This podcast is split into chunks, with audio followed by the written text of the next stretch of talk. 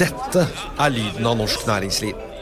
Akkurat nå tas det små og store valg som kan bli avgjørende for fremtiden. Med økonomisystemet X-Leger tas disse beslutningene basert på informasjon i samtid, slik at drømmer og ambisjoner kan bli virkelighet. Få kontroll og oversikt. Gå inn på xledger.no. Denne sendingen er sponset av Xleger.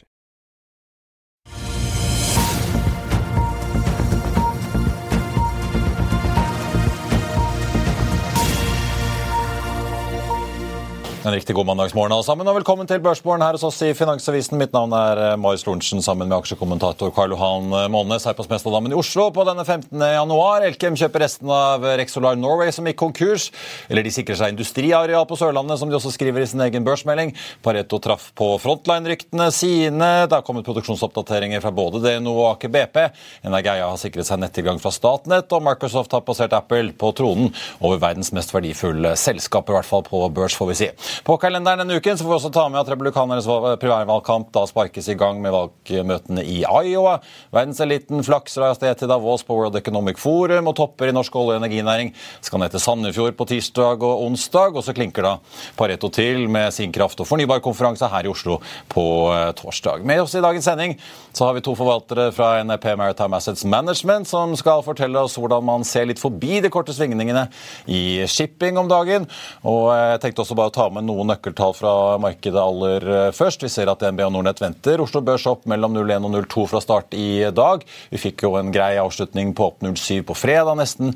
Minus 1% likevel da for uken samlet eh, sett. Wall Street steg forrige uke etter å ha endt i minus den første uken av det nye året. Vi så at eh, både Dow Jones, nei, unnskyld, SMP 500 og Nasdaq endte så vidt i pluss, men Dow Jones svakt i minus på fredag. Og av de store finanshusene som slapp tall på fredag, så var det bare City som endte i pluss. Det skjedde etter at de altså annonserte at de skal kutte inn til 20 000 stillinger i årene fremover. Microsoft som jeg nevnte, er altså verdens mest verdifulle selskap med en børsverdi på 2890 milliarder dollar etter å ha passert Apples 2870. De, gikk, de to da, gikk 3 hver sin vei på børsene i forrige uke. I Asia i morgentimene i dag så ser det stort sett rødt ut, med unntak av Nikkei-børs til Tokyo, som er litt opp. på Nordsjøoljen den er også opp i dag, ligger nå på 78,47 i spotmarkedet, opp 0,4% Elkem har altså signert en avtale om å kjøpe Rexolar Norway fra Rexolar Holdings. Det kommer frem i en børsmelding nå på morgenen. I november ble det kjent at Rexolar legger ned den norske virksomheten, som medfører at 100 ansatte mistet jobben. Elkems direktør for teknologi, Håvard Moe, sier i en kommentar sitat, at gjennom denne avtalen så sikrer Elkem seg kontroll over industriområder og anlegget Kristiansand og på Herøya, som vil gi oss muligheten til å videreutvikle vårt fiskeanlegg. Og så tar med Markets opp på Blue Nord, tidligere kjent som Noreco. De går inn med en kjøpsanbefaling eh, på oljeselskapet med et kursmål på 660. Aksjen endte på 502 på fredag. Og det med Markets eh, skriver at etter oppstarten da på Tyrafeltet i Danmark, så venter eh, de at selskapet vil mer enn kunne doble produksjonen fra 2023 til 2025. Mer om det kan du lese på fa.no. Så får vi også ta med BV Group, som har oppnådd en eierandel på nesten 52% i BV Energy, der de altså har bydd 27 kroner aksjen etter å ha krysset en eierandel på 40% Litt interessant nok så takket jo da styret i BV Offshore, som også er et selskap i BV-gruppen, nei på vegne av sine aksjer i BV Energy. Da måtte jo selvfølgelig da Andreas Sommerpau og de andre trekke seg fra styrebehandlingen. Da skal jeg si god morgen og velkommen til eh, Karl Johan. Vi må nesten, før vi tar inn dagens gjester, eh, snakke litt om valget i eh, Taiwan og de siste ryktene rundt Sveås og Røkke. Skal vi begynne med Taiwan? Ja, Vi tar Taiwan først. og det er klart Man prøver så godt man kan å lete etter informasjon man kan stole på. og eh, Det er jo ikke så lett. da. Og eh, Jeg har jo tidligere snakka med investeringssjefer som er kinesere i USA. og De sier at man skal være klar over at det er veldig få selv i Kina som vet hva som foregår i Kina. Og Med det utgangspunktet da, så det, det beste jeg har klart å få ut da, er faktisk Financial Times, som er eid av Nikkei i Japan. De På sin morgenpodkast i dag så sier de at det kom ut en pressemelding fra Kina eh, bare noen timer etter at valget var eh, avgjort, og der de konstaterte at eh, han hadde jo bare fått 40% av stemmene. Så det var fortsatt eh, ikke noe flertall for at eh, Taiwan skulle være uavhengig. Så, så, de har fått sitt, da. Det, ja, for det var den mest av de tre, så er det jo dagens visepresident. Ja. Den mest, får vi si, USA- og vestligvennlige kandidaten som ja. Vant ganske soleklart. Ja, han var soleklart. Selv om han ikke får flertall. Det er, for, det er ikke så lett å forstå dette, fordi at i parlamentet så har ikke hans parti fått flest stemmer. Så det er veldig vanskelig å tolke politikk i andre land. Men det viktige er å se hva Kinas respons er. Og deres, ut fra tolkningen fra Financial Times, er at dette ikke eskalerer konflikten. Og det er jo veldig positive nyheter. Ja får vi jo se. Joe Biden var ute i helgen ganske fort og gjentok budskapet som vi har hørt i mange år fra USA om at de vil ikke gå for en full uavhengighet. De vil holde på denne litt sånn tvetydige stillingen der de sier de skal stille opp for Taiwan militært, men eh, de vil liksom ikke presse frem en full uavhengighet fra Kina. Ja, og det, nå blir, nå, det, skal jo være innsettelsesseremonier her, og alle lurer på hvilke amerikanske ledere som kommer til å reise og delta på den. Ja. Det, det, er mye som skal spilles om her, men det gjelder jo ikke å eskalere denne konflikten her, fordi eh, for det, det, ser jo ikke ut til å gå så bra med Russland i den andre enden, som er deres lille partner. Der er jo det strømbrudd i Rostov, som er sentral, den største byen for uh, militæret i syd. Og det virker jo som at de har Ukraina fått stilt inn Storm Shadow-rakettene sine og prikker jo inn, uh, logistikksenter og jernbanen. og det, ja, det, det, det, ser ikke så bra ut for Russland, for å si det sånn. Nei. Det blir i hvert fall også veldig interessant å se hva Beijing gjør. De har jo lagt mye militært og økonomisk press på Taiwan eh, en god stund nå. så Det, det ser jo ikke så pent ut for dem utad at de ikke fikk klart å få noe gjennomslag for dette her.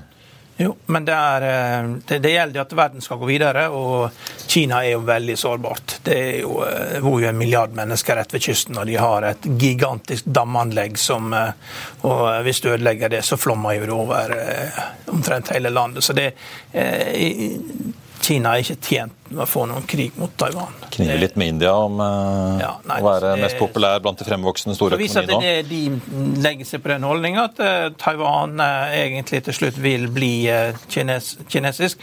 Men alt Taiwan trenger å gjøre, er jo bare å se på Hongkong. Kina er ikke så veldig snill med Hongkong. Jeg tror Hongkong-børsen har falt tre år på rad. Jeg har ikke sett et verre aksjechart enn Hongkong-børsen. Den går jo bare rakt ned. Altså, det, er jo, det er jo stadig nye lavere, lavere nivåer. og du, du, du bare skviser i stykker hele Hongkong. Og hvis at eh, Taiwan skal ønske å bli en del av eh, Kina på samme måte som Hongkong, så, så må man jo behandle Hongkong litt bedre, da. Vi må snakke om eh, sagaen eh, Solstad Offshore, også med Sveås, eh, også kjent som Smeås i disse dager, og Kjell Inge Røkke. Eh, hvor ryktene fortsatt går. Nå var vår si, kollega i Dagens Næringsliv, Morten Aanestad, i Skudeneshavn på besøk hos Lars Peder Solstad her på tampen av forrige uke. Hadde et intervju med han, og han gjentar budskapet om at han hadde ikke hørt noe, da, eller de Solstad hadde ikke hørt noe fra Kristin Sveås før uh, hele dette rushet kom ut rett før jul, uh, hvor de gikk til angrep på Røkke og hele prosessen og mente at det var forskjellsbehandling. Ja. Men nå spekuleres det at kanskje emisjonen blir utvidet fra de totalt fire milliardene som skal styrke egenkapitalen i Solstad. Har du noe tro på det som løsning? Ja, altså Det er jo Den naturlige løsninga er jo å øke emisjonsstørrelsen og skape mer fleksibilitet. og Det skader jo ikke når du har så høye renter som du har, at man får inn litt mer kapital. og eh, så men det må jo garanteres da, sånn at det ikke blir noe mageplask når disse pengene skal inn. At eh, det ikke er nok penger som kommer på plass. da, Så må man jo garantere den siste biten. og eh, Dette skal på plass før at eh, det er endelig. da, For det, du har jo en deal, og, den er lett å gjennomføre. Og, og for bankene så er det viktig at de iallfall ikke får noe mindre penger. Så dette er jo en naturlig måte å gjøre det på enn at det blir mer, litt mer til alle, og at uh, gjelden til Solstad blir litt mer redusert. Og vi har vel diskutert dette her før, og vi skrev en kommentar at uh, det er I som betaler. Uh, og Røkke må jo ta dette som en kompliment. Det er... Han Aker stiller i hvert fall opp med 2,25 ja. milliarder pluss dette Norman Maximus-skipet som er bokført en milliard i egenkapital. Ja, så det, når var det folk i Oslo eh, sto i kø sist for å investere med Røkke og være minoritetsaksjonær og sånn. Det har vi ikke skjedd før. Eh, så det er jo bare meglere og advokater som har tjent penger på Nå står jo investoren og har lyst til å være med. Så dette er jo nytt. Så må vi bare ta det som et kompliment. Bare slippe opp. Vi snakket jo med Øyvind Eriksen på NHOs årskonferanse for forrige uke, han sa jo rett ut på luften at de er jo åpne for justeringer. Og, men de, han mener jo det er helt feil å fremstille som forskjellsbehandling fordi de andre aksjonærene får være med i denne delen på 750 millioner i pakken på 4 milliarder her. Ja, nei, De har gått for en minim, det minste løsninga som gjør at de satt med nesten to tredjedeler. Men de, de, du må bare legge det opp sånn at de iallfall sitter med minst 50 da. Uh, og Det er jo ikke om å gjøre å eie mest av dette, det er om å gjøre kontroll på det. Vi får uh, se. I mellomtiden i hvert fall så sitter jo Doff der, da, nynotert, eller relativt nynotert på børsen og ferdig restrukturert og gir bånn gass. Ja, men Doff I et marked som mange er gira for. Doff sitter nok og lurer litt på uh, om det de kunne blitt gjort annerledes, og de kunne sittet hjemme mer når de ser hva som skjer med Solstad. Hva hadde skjedd hvis vi også hadde ringt Kjell Inge Røkke? Ja, det, ja. De har kanskje en del usnakka fra før. Det kan være. Ikke angående fiskeri, som gjør det kanskje litt vanskeligere. Å... Det, kan, eh, det kan være. Jeg tenkte bare, Karl Johan, vi må ta med bare på tampen da, at uh, Solstad-aksjen stiger nesten en prosent da, på en børs hvor hovedveksten er opp 0,12, igjen over 1300 poeng i dag. Så vidt, får jeg si. 1300,56. får vi se se om det holder ut uh, dagen. Energeia, som har fått tilgang på litt uh, kraft fra Statnett, stiger 4,3 Frontline så vidt uh, litt i pluss. Elkem noe ned. 0,8. Blue Nord, tidligere Norwegian Energy Company, stiger altså nesten 3% etter at DNB Markets har tatt opp dekning der i gården. Og av de to oljeselskapene som har kommet med kvartalsoppdateringer i dag, så stiger det nå nesten prosenten, mens Aker BP ligger så vidt i pluss. Jeg tenkte bare jeg skulle nevne Nageia da, for de kom jo da på en melding sent fredag hvor de etter å ha meldt i fjor at NVE ikke lenger vil behandle konsesjonssøknader før man har fått rett av Statnett til å koble seg på her i landet. og Disse solprosjektene lå litt på vent. Så har de altså nå fått først et anlegg i Vestfold Telemark på 105 megawatt klarert inn hos Statnett nå rett før jul. Og i, eh, på tappen av forrige uke så kom det i tillegg at de nå får inn tre anlegg til rundt eh, Gjøvik-regionen. Men jeg får ta med at nesten halvparten av den kapasiteten de da skal få inn i eh, disse tre anleggene på Innlandet, avhenger av at Statnett faktisk bygger ut nett. da. Så tidslinjen er fortsatt litt i det blå for NRGA, men de skriver i hvert fall at de skal sende inn da tre konsesjonssøknader i løpet av året. Og så er det Erik Håvaldsen, analysesjef i Pareto. da, Han traff jo spikeren på hodet da han forrige mandag skrev om ryktene rundt et mulig frontline-salg av de fem eldste råoljetankerne for om lag 3 milliarder kroner. Fredag kveld så kom bekreftelsen fra Frontline om at de fem eldste WLCC-ene bygget mellom 2009 og 2010, blir da solgt for netto 290 millioner dollar, og de sitter igjen da med 207 etter at gjelden er nedbetalt, og rundt 70 millioner dollar i bokført gevinst da etter planen i første kvartal, litt avhengig av når de overleverer eh, disse tankerne til kjøperne. Og etter salget, så hvis man regner med da de 24 tankerne de får inn fra euroen av transaksjonen, så vil flåtten til Frontline ende på 84 skip, ikke verst. Vi er tilbake med i dagens gjester rett etter dette.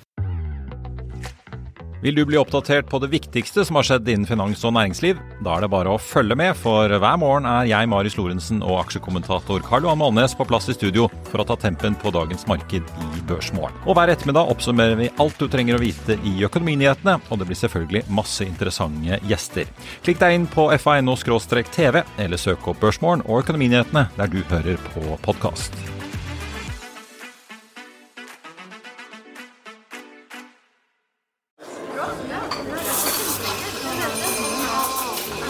Dette er lyden av norsk næringsliv. Akkurat nå tas det små og store valg som kan bli avgjørende for fremtiden. Med økonomisystemet X-Leger tas disse beslutningene basert på informasjon i samtid, slik at drømmer og ambisjoner kan bli virkelighet. Få kontroll og oversikt, gå inn på xledger.no. Denne episoden er sponset av van Brun, en fremtredende smykkeforhandler kjent for sitt brede utvalg av forlovelsesringer, gifteringer og diamantsmykker som bæres og elskes i generasjoner. Et frieri er en av de største øyeblikkene i livet, hvor forlovelsesringen er et tidløst symbol på kjærligheten.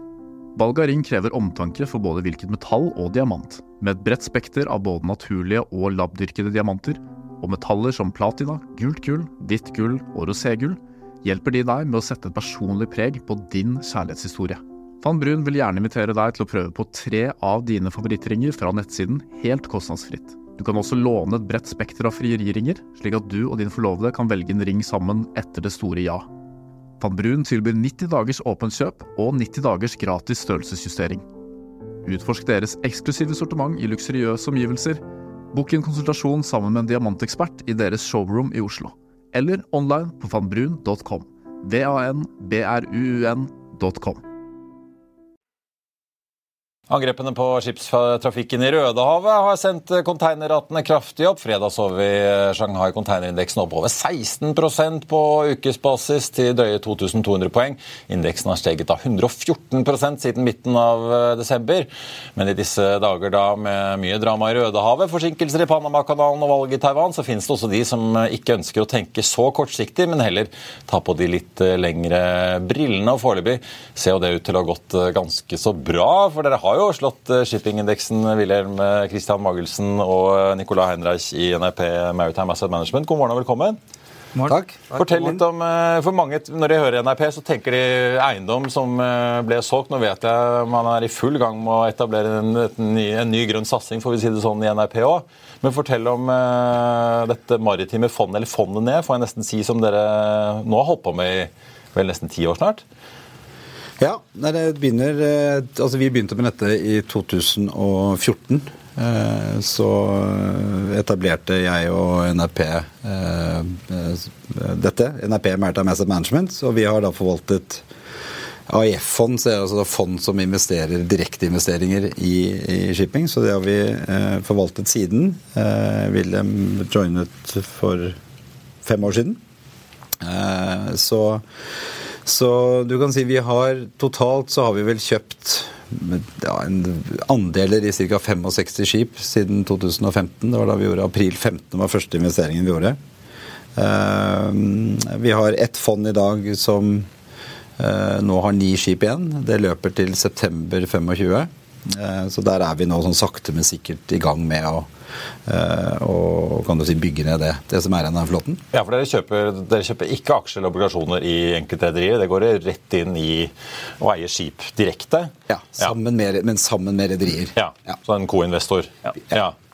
Men vi tar, eh, vi tar eh, Vi er ganske store minoritetsposter. så Vi tar jeg vil si typisk mellom 25 og 50 Så enten så er det et rent joint venture med et rederi, eller så eh, er det en eller to andre eh, finansielle investorer involvert.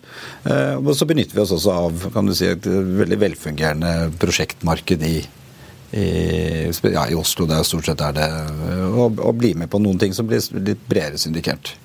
Men vi tar alltid du kan si, en av de tingene som ligger fast i vår strategi, er at vi skal ha en eierandel som gjør at vi kan ha kontroll på når skipet selges. Ja, det skulle til å spørre om, Er det sånn dere avtaler det i forkant med rederiet? Apropos Frontline, vi ser jo at rederiene kjøper jo selger av og til, eller eh, reduserer eller øker eierandeler. Kan det virke som litt avhengig av eh, markedspriser og sånn, men er det fastsatt i forkant hvor lenge dere skal sitte med skipene?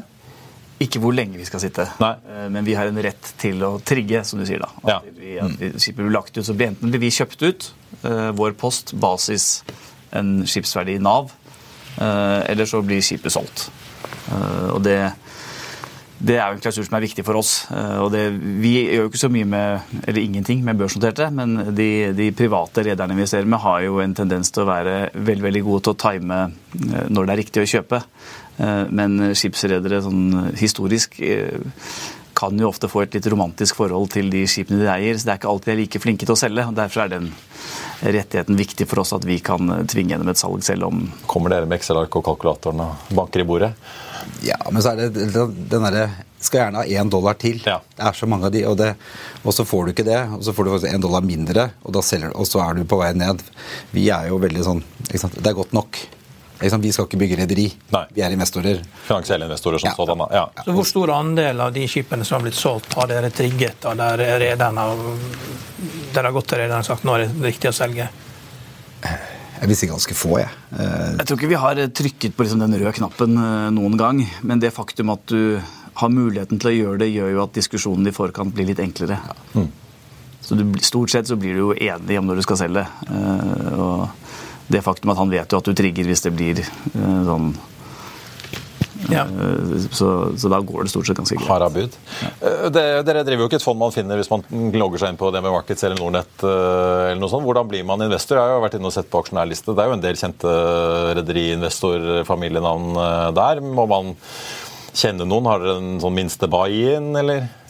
Ja, nei, Du må være kunde av NRP. Ja, det, jo, det, ja. det, det begynner med det. så det, da er det å Ring resepsjonen først og be om, eh, Ring. Nei, det er jo bare å ta kontakt med oss. Ja. Du kan si, vi har jo, altså NRP-gruppen har jo et, eh, en, en desk, de, som eh, så mm, Men akkurat nå er vi ikke Men det er klart du kan jo gjøre ting i annonsmarkedet. Det er jo ikke superlikvid. Dette er jo liksom, Langsiktige investeringer. Ja, og du kan si at det er jo ikke veldig mye um, omsetning i disse andelene, men det gjøres jo fra av og til. Og så nå har vi hentet vi, nå hentet vi ca. 90 millioner dollar i den årgangen vi stengte i juni i fjor. Eh, og har jo da planer om Nå er vi ca. 70% investert av det. Eh, og så har vi vel planer om å gå på veien i, etter sommeren med da det som blir altså 2024-årgangen til et nytt fond. Ja. vi gjør oss ferdig. Vi liker ikke å ha liksom, flere fond gående samtidig som har liksom, tørt krutt. Så, Er det tradisjonelle segmenter? Tørrbulk, tank, produkttank? Er det det dere går etter? Eller er det andre mer bilfrakt, eh, mer sofistikerte, kompliserte ting? nei, vi er ganske tradisjonelle der, vil jeg si. Eh, tank, Ja. tank, bulk, container. Eh, mid, mid size, mid-age. Ja.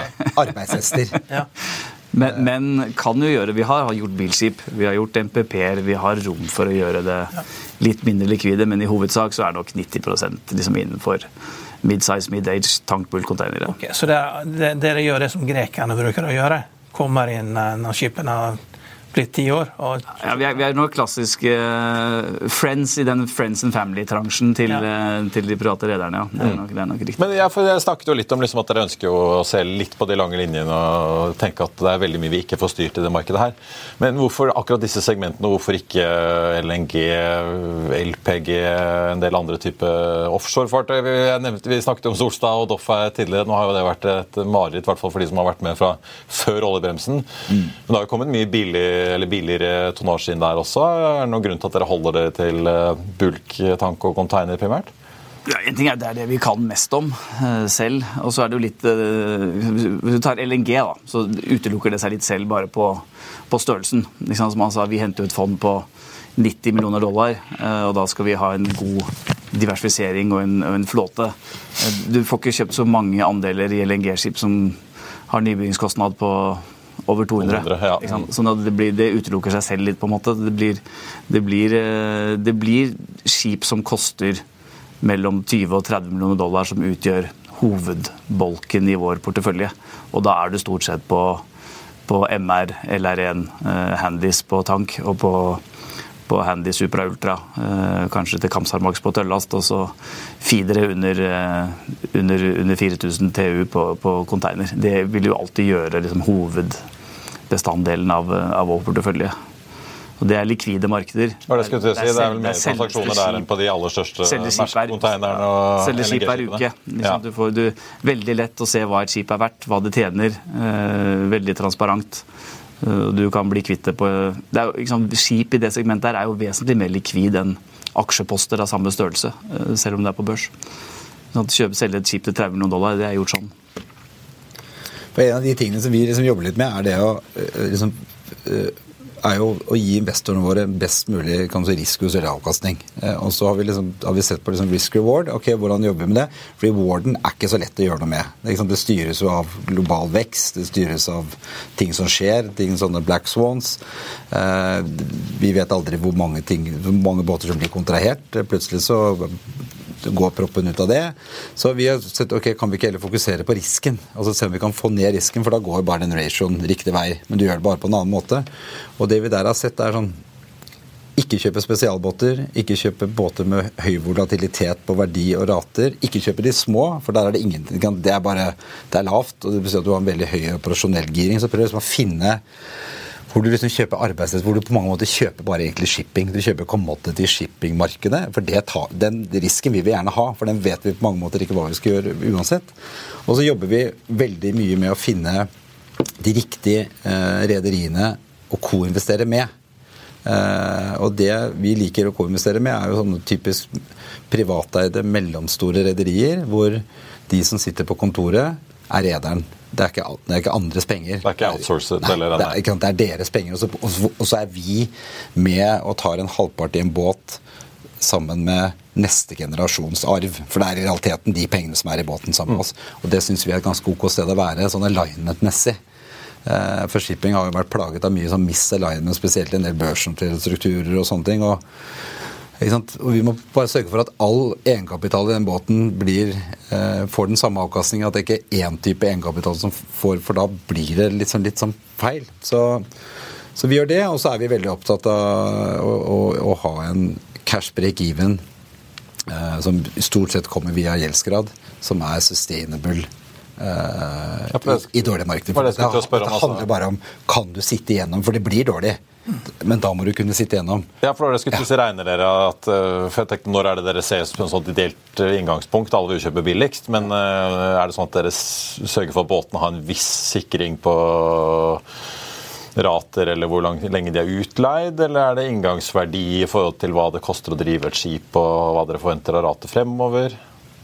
Det nærmere det siste. Vi er, vi er glad i å kjøpe stål. Vi er ikke så glad i å kjøpe kontantstrøm. Sånn vi, vi er ikke så glad i å kjøpe skip hvor det er prisen på det skipet er litt avhengig av hva slags tese som henger med. Den, det føler vi er mer nedside enn en ikke. Eh, Så vi er jo glad i å kjøpe skip, og så kan vi gjerne slutte det to år, tre år, hvis vi føler det er riktig etter å ha eid det i seks måneder. Men i utgangspunktet så liker vi ståleksponering når vi, når vi kjøper.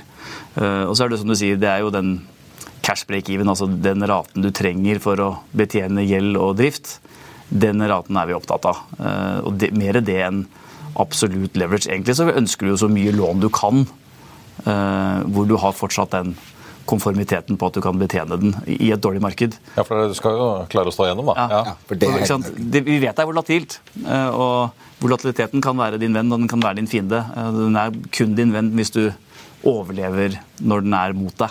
For da får du med deg oppsiden. Er dere investert i produkttank også, eller er det oljetank det går i? Stort sett produkt. Stort fordi sett igjen, produkt. olje- sto- altså Stortank blir igjen litt sånn ticket size, og så syns vi også volatiliteten i de større segmentene er altfor høy. Produkttank har jo lagt, la jo ned i 20 år. Long range til Asia var helt håpløst. Og så kom krisen med Russland, og nå ser det ut som at det er, sånt det er Hafnia og disse rederiene her. Det, det ser jo ikke ut til å ta slutt. Eh, hvordan tenker dere rundt situasjonen rundt Russland? Liksom, når er det man skal ta gevinst i produkttank? Eh, Hva tenker dere der?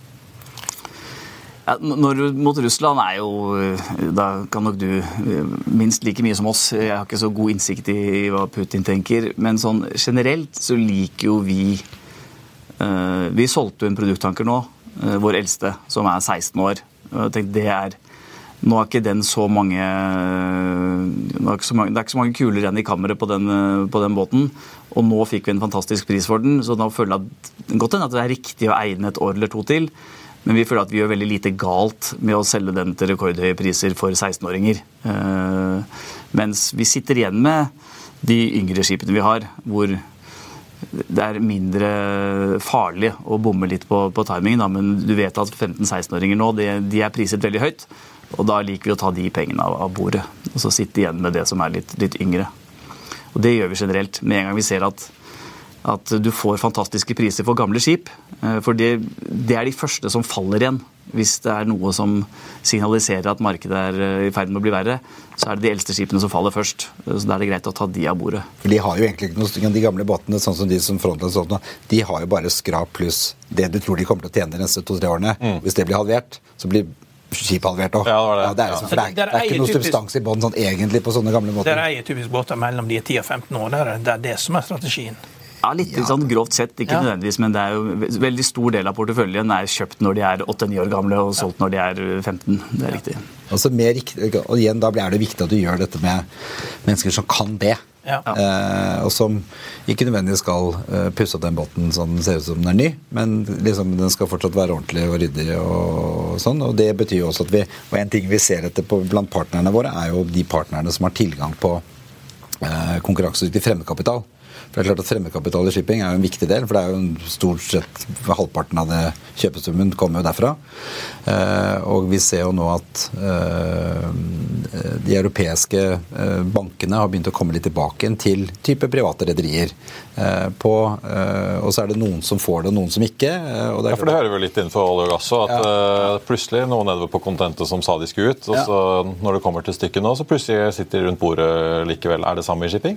Ja, Det er, eh, vi, vi, vi- jeg synes vi har sett det både de tyske og sveitsiske og de greske bankene på shipping, spesielt mot greske kunder. Og spesielt hvis du er en gresk kunde hvor du også er kan du si, privat. Altså, det er banken din. Så, så, det, så det ser vi. Og da, der har vi sett marginene gå ned fra kan du si, høye tretallet til lave totallet med kan bare siste året. Så det er klart det slår jo det på på 50% belåning. Så, men det er klart det er jo også amortiseringsprofilen som er klart en viktig del av et, eh, en sånn cash break-even-rate. Eh, Renteøkningen vi har sett, hvordan har den slått ut både for dere og bransjen generelt? sånn som dere har sett det?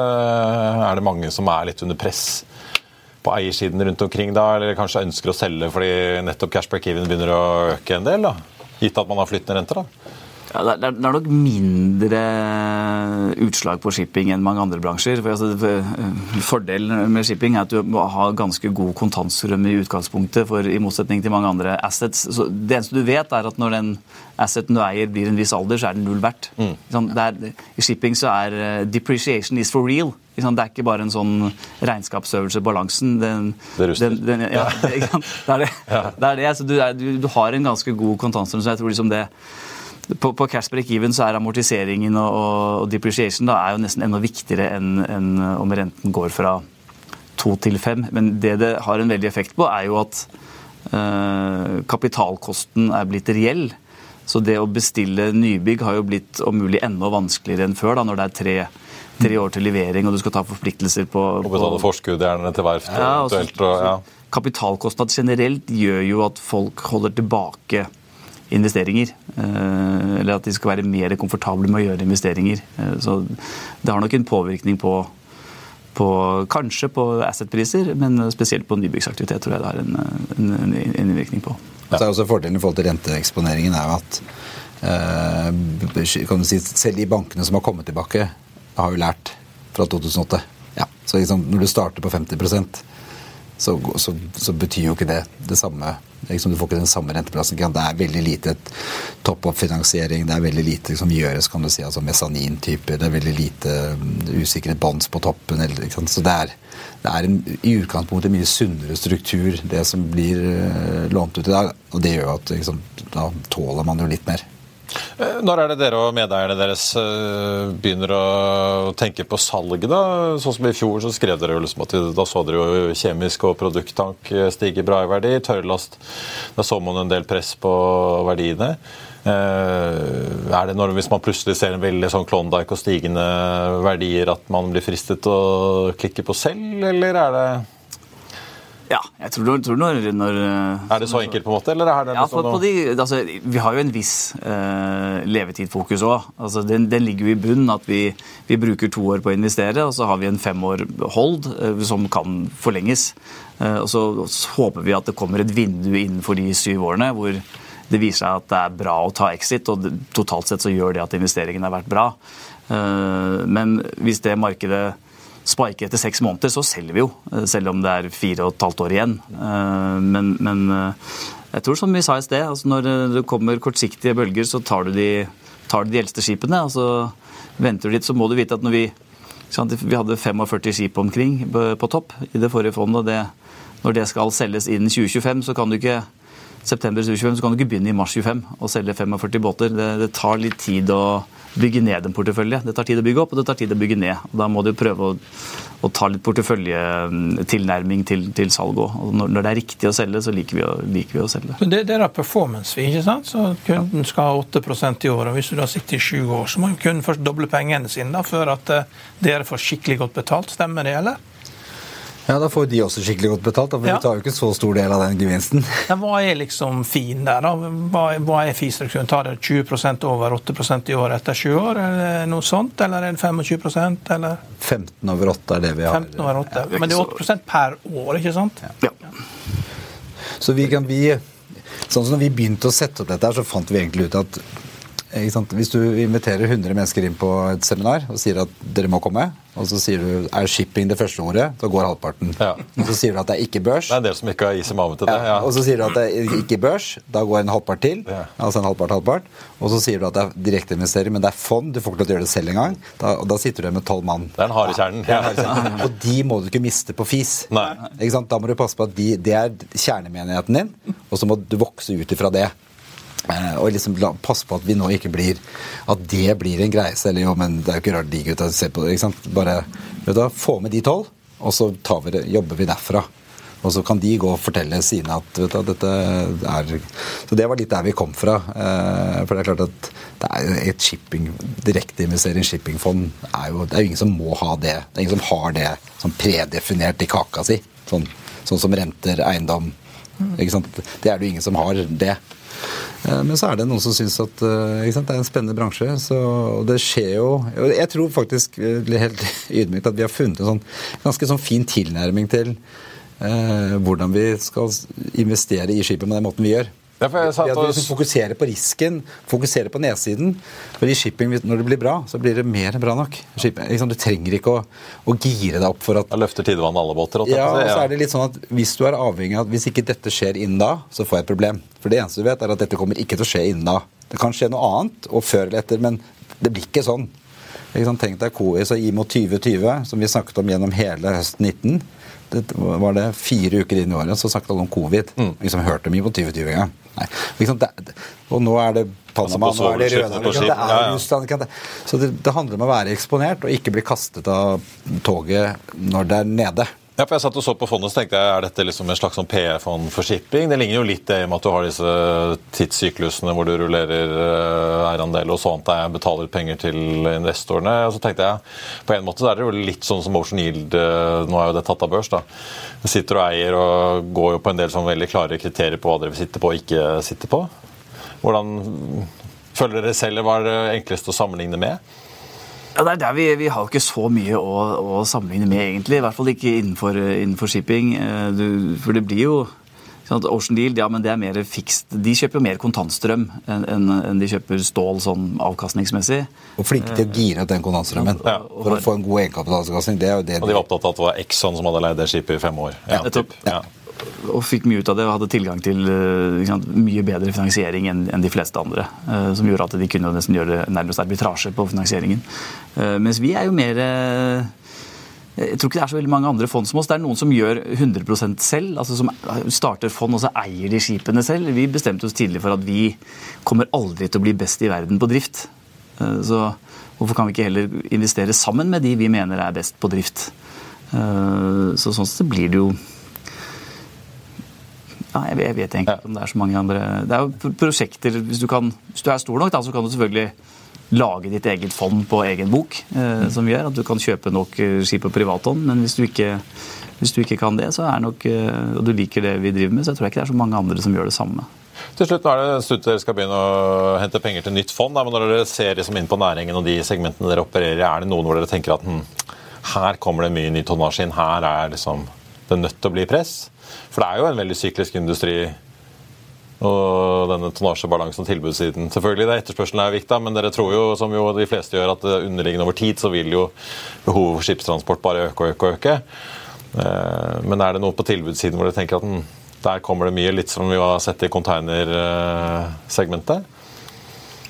Ja, Det er containerordreboken og på bil da, som kanskje er, eh, som er store innenfor eh, det, det vi har drevet på LNG. Sånn så har ikke vi, har ikke vi på måte, hatt noe eksponering. Eh, Men jeg syns jo det det er jo litt sånn fascinerende på, på containerordreboken at det, det er jo for Det er jo stort sett de store skipene hvor ordreboken er stor. Den er ikke, den er ikke så stor på det vi kaller feeder-tonnasje, som vi holder på med. Det er, den er fortsatt kanskje 12-13 der. Men den ordentlig store ordreboken er jo på de store linjeskipene som, som Mersk og CMA og MSC bestiller. og det de fortsetter jo å bestille eh, av en eller annen grunn, eh, og de vet jo mye mer enn en, en oss. Eh, så det er fascinerende å se at de fortsetter å bestille selv om alle andre syns at den ordreboken ser ut som et stort, stort spøkelse. Så det er mulig at de har planer om å, om å skrape enorme mengder tonnasje, at de ser behov for det. Eller, men det er fascinerende å se at de, de som sitter nærmest på markedet, fortsetter å bestille, selv om alle andre er livredd for den ordreboken.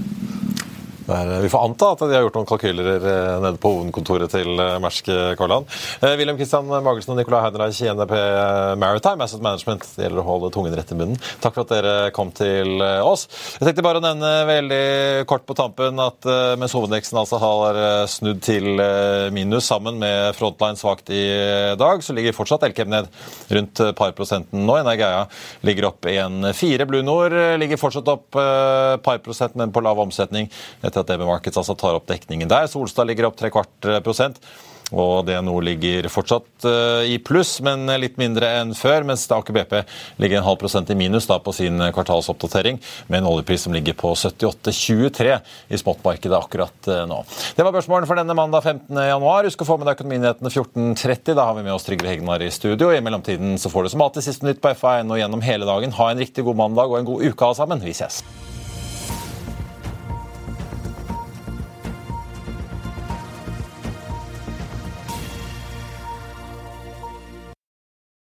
Denne sendingen er sponset av Xleger. Økonominyhetene er en podkast og videoproduksjon fra Finansavisen.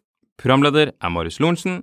Aksjekommentator er Karl Johan Molnes. Produsent er Bashar Johar. Podkast- og videoansvarlig er Marius Mørk Larsen. Og ansvarlig redaktør er Trygve Hegnar.